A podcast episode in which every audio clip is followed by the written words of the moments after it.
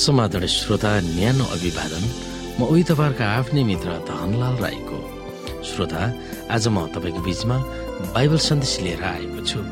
आजको बाइबल सन्देशको शीर्षक रहेको छ मूर्ति पूजाको प्रभुत्व।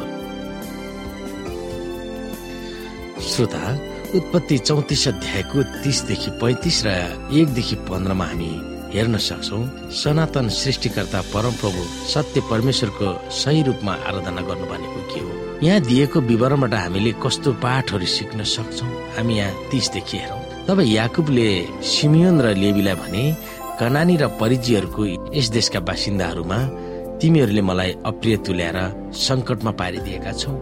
मेरा मानिसहरू थोरै छन्। यदि उनीहरू सबै भेला भएर मेरो विरुद्धमा हमला गरे भने मलाई र मेरो घरका सबैलाई खत्तम पार्नेछन्।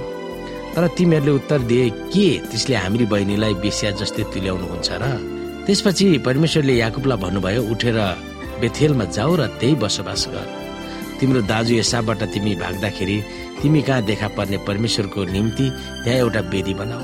यसकारण याकुबले आफ्नो घराना र आफूसित भएका सबैलाई भने तिमीहरूसँग भएका विदेशी देवताहरू मिल्काइदियो र आफू आफूलाई शुद्ध पारेर लुगाहरू फेर तब हामी बेथेलमा जाउँ र मेरो दुःखको दिनमा मेरो पुकारा सुन्नुहुने र म जहाँ गए तापनि मसित हुनुहुने परमेश्वरको निम्ति त्यहाँ एउटा वेदी म बनाउने छु।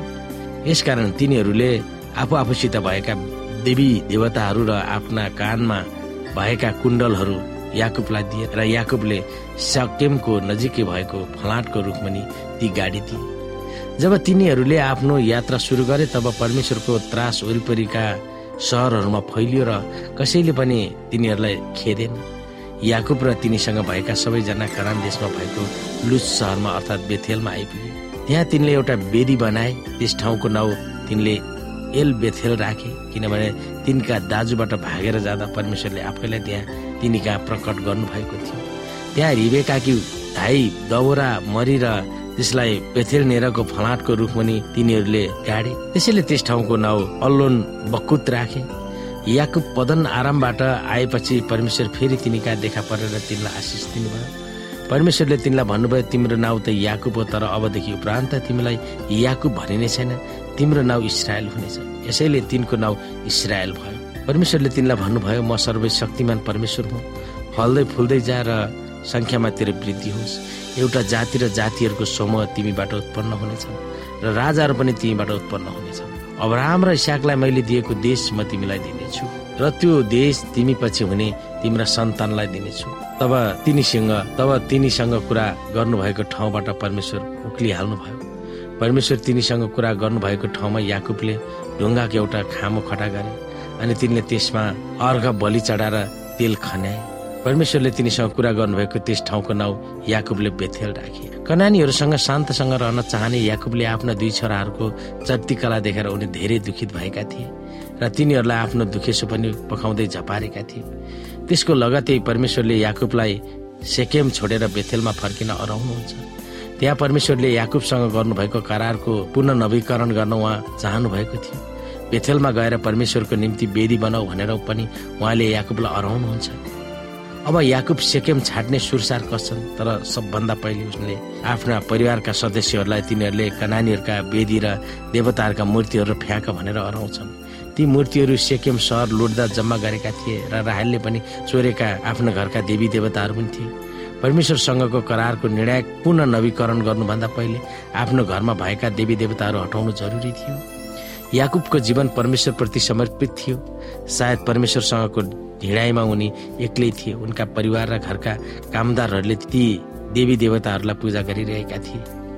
अब कनानीहरूको प्रभावबाट टाढा हुन याकुबले आफ्नो शिविरमा र मानिसहरूका हृदयमा भएका देवी देवताहरू हटाउन आवश्यक भएको ठानेका थिए। पश्चातापको प्रक्रियामा मानिस केवल एक ठाउँबाट अर्को अनुकूल भएको ठाउँमा सर्ने मात्र समावेश हुनुपर्छ भन्ने छैन। न त एउटा चर्चबाट अर्को चर्चमा सबभन्दा महत्त्वपूर्ण कुरा भनेको परमेश्वरको अनुग्रहले हाम्रा हृदयमा भएका मूर्तिहरू हटाउन जरुरी भएको ठान्नु पर्दछ हामी जहाँ गए तापनि वा जहाँ रहे तापनि जे कुरालाई पनि हामीले मूर्ति बनाएर हाम्रो हृदयमा सजाउन सक्छौँ। जब याकुबले परमेश्वरको आज्ञा सुन्छन् र उहाँको आदेश अनुसार सर्न अघि बढ्छन् तब त्यहाँका बासिन्दाहरूलाई उहाँले हस्तक्षेप गर्नुहुन्छ र तिनीहरूमाथि उहाँको भय वा श्रद्धाले असर पार्दछन्।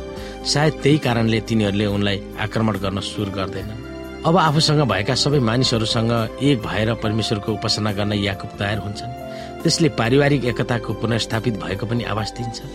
तिनीहरू लुज सहर अर्थात् बेथेलमा पुग्छन्। त्यहाँ तिनीहरूले परमेश्वरको आराधना गर्छन् र त्यस ठाउँलाई एल बेथेल भनेर नाउँ दिन्छन्। परमेश्वरले बेथेलमा याकुबको स्वप्न दर्शनमा स्वर्ग र पृथ्वी जोड्नु भएको थियो। अब फेरि त्यस आराधनाले केही समयसम्म परमेश्वरसँग तोडिएको सम्बन्ध गाँसिन पुगेको देखिएको थियो। यहाँ ठाउँको भन्दा बेथेलको परमेश्वरलाई जोड दिएको पाइन्छ। यहाँ फेरि परमेश्वर व्यक्तिगत रूपमा देखा पर्नुहुन्छ र याकुबलाई इसरायल भनेर नाउँको याद दिलाउनुहुन्छ। त्यस बेला उहाँले तिनलाई आशिषको दोब्बर प्रतिज्ञा दिएको देखाउँदछ। पहिलो प्रतिज्ञामा उनी फलदायी हुने वा उनको धेरै सन्तान हुने जसको सन्तानबाट मसिएको जन्म हुने र धेरै राष्ट्रहरू जन्मिने थियो भने दोस्रोमा उनलाई प्रतिज्ञा गरेको देश परमेश्वरले अन्तिम श्रोता थाहै नपाइकन हाम्रो हृदयहरूमा मूर्ति पूजा कसरी पस्न सक्छ? र त्यसलाई हामीले कसरी सम्हाल्न सक्छौँ? त्यो प्रश्न म तपाईँको बिचमा छोड्दै आजको कार्यक्रमबाट बिदा हुन्छु। हस्त नमस्ते। जय मसिंह।